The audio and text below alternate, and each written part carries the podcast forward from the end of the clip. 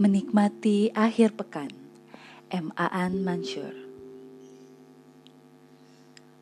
Aku benci berada di antara orang-orang yang bahagia. Mereka bicara tentang segala sesuatu, tapi kata-kata mereka tidak mengatakan apa-apa. Mereka tertawa dan menipu diri sendiri, menganggap hidup mereka baik-baik saja. Mereka berpesta dan membunuh anak kecil dalam diri mereka.